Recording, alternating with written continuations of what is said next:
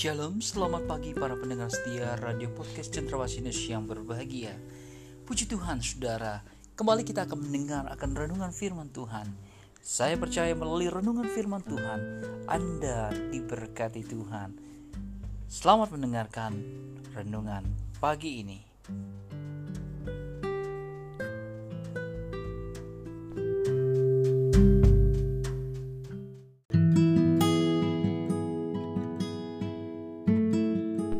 Shalom, selamat pagi Bapak Ibu, Saudara-saudara kekasih-kekasih Tuhan, para pendengar Cendrawasih News. Di awal bulan Februari ini, tentu Bapak Ibu Saudara mengetahui bersama bahwa ada satu event atau hari besar dari orang-orang keturunan Chinese untuk memperingati tahun baru Imlek. Dan kita ketahui bersama-sama bahwa di hari raya inilah banyak keluarga seorang dengan yang lain berkumpul bertemu, ayah,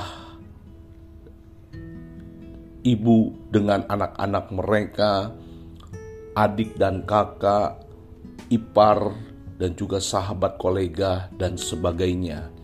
Mereka bertemu, berkumpul bersama-sama, berinteraksi seorang dengan yang lain, merayakan hari ini dengan berbagai macam cara.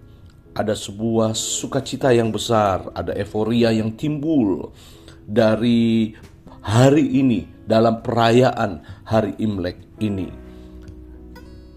Nah, tahukah Bapak Ibu Saudara-saudara bahwa hal yang sama pertemuan-pertemuan secara fisik itu adalah merupakan aspek dari kehidupan bergereja. Aspek korporat adalah sesuatu aspek yang tidak bisa ditinggalkan dalam kehidupan berjemaat. Memang Bapak Ibu Saudara, beberapa waktu yang lalu oleh karena pandemi, maka untuk mencegah penularan yang lebih luas daripada COVID-19 ini, maka ada larangan-larangan untuk kita berjumpa secara fisik, sehingga kemudian pertemuan-pertemuan kita dilakukan secara online. Tetapi melihat perkembangan kondisi yang ada, maka sebetulnya apabila ada kesempatan untuk pertemuan secara onsite pertemuan secara fisik bisa dilakukan dan dikerjakan, maka kita harus juga berani melangkah akan hal itu. Karena saya melihat ada kecenderungan orang-orang sudah keasikan online, orang-orang sudah keasikan mengikuti ibadah secara online, sehingga sekalipun telah diberikan kesempatan untuk bertemu, berjumpa secara onsite, maka tidak ada langkah keputusan ke arah seperti itu. Nah, melihat aspek pertemuan secara fisik, aspek korporat dalam kehidupan berjemaat, maka firman Tuhan mengatakan di dalam Ibrani pasal yang ke-10 ayat yang ke-25 dikatakan demikian, janganlah kita menjauhkan diri dari pertemuan-pertemuan ibadah kita seperti dibiasakan oleh beberapa orang. Tetapi marilah kita saling menasehati dan semakin giat melakukannya menjelang hari Tuhan yang mendekat. Sama seperti orang sedang merayakan Imlek di mana keluarga berkumpul Nah demikian juga sebetulnya Bapak Ibu Saudara, gereja itu disebut keluarga Allah, keluarga rohani.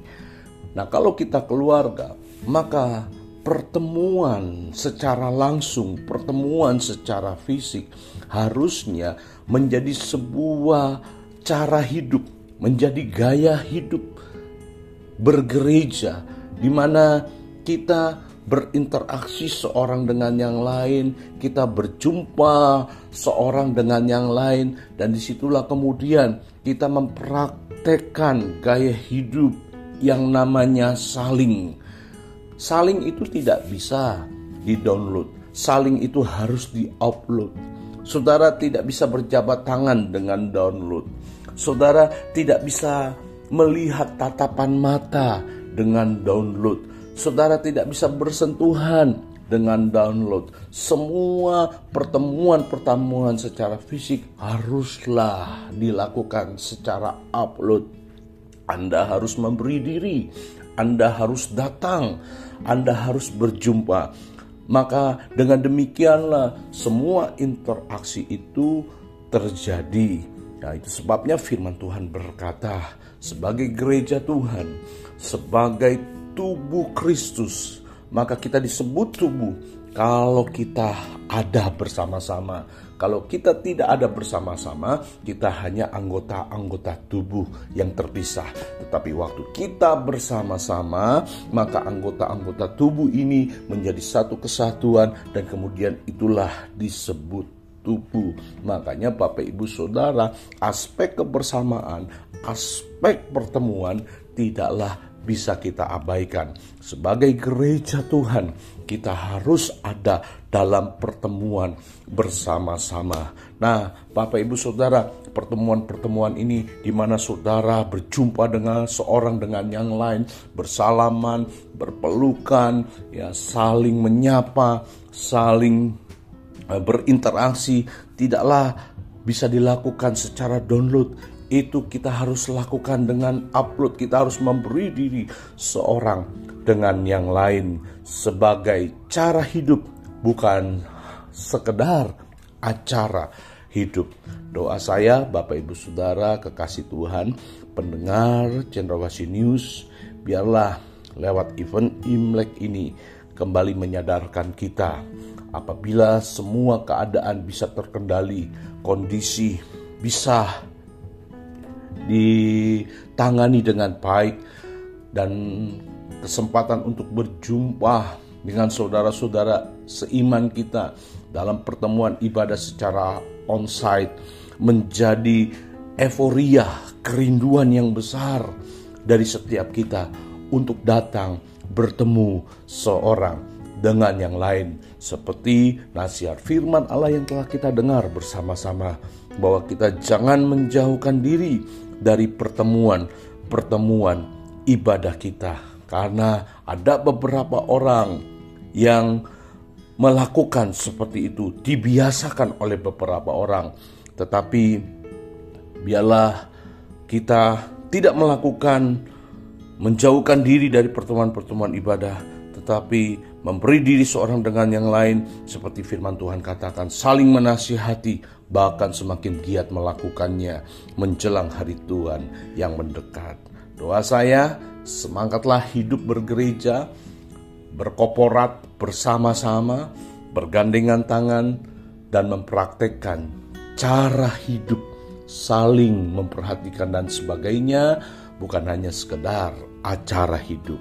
Tuhan Yesus memberkati kita semua. Haleluya. Amin.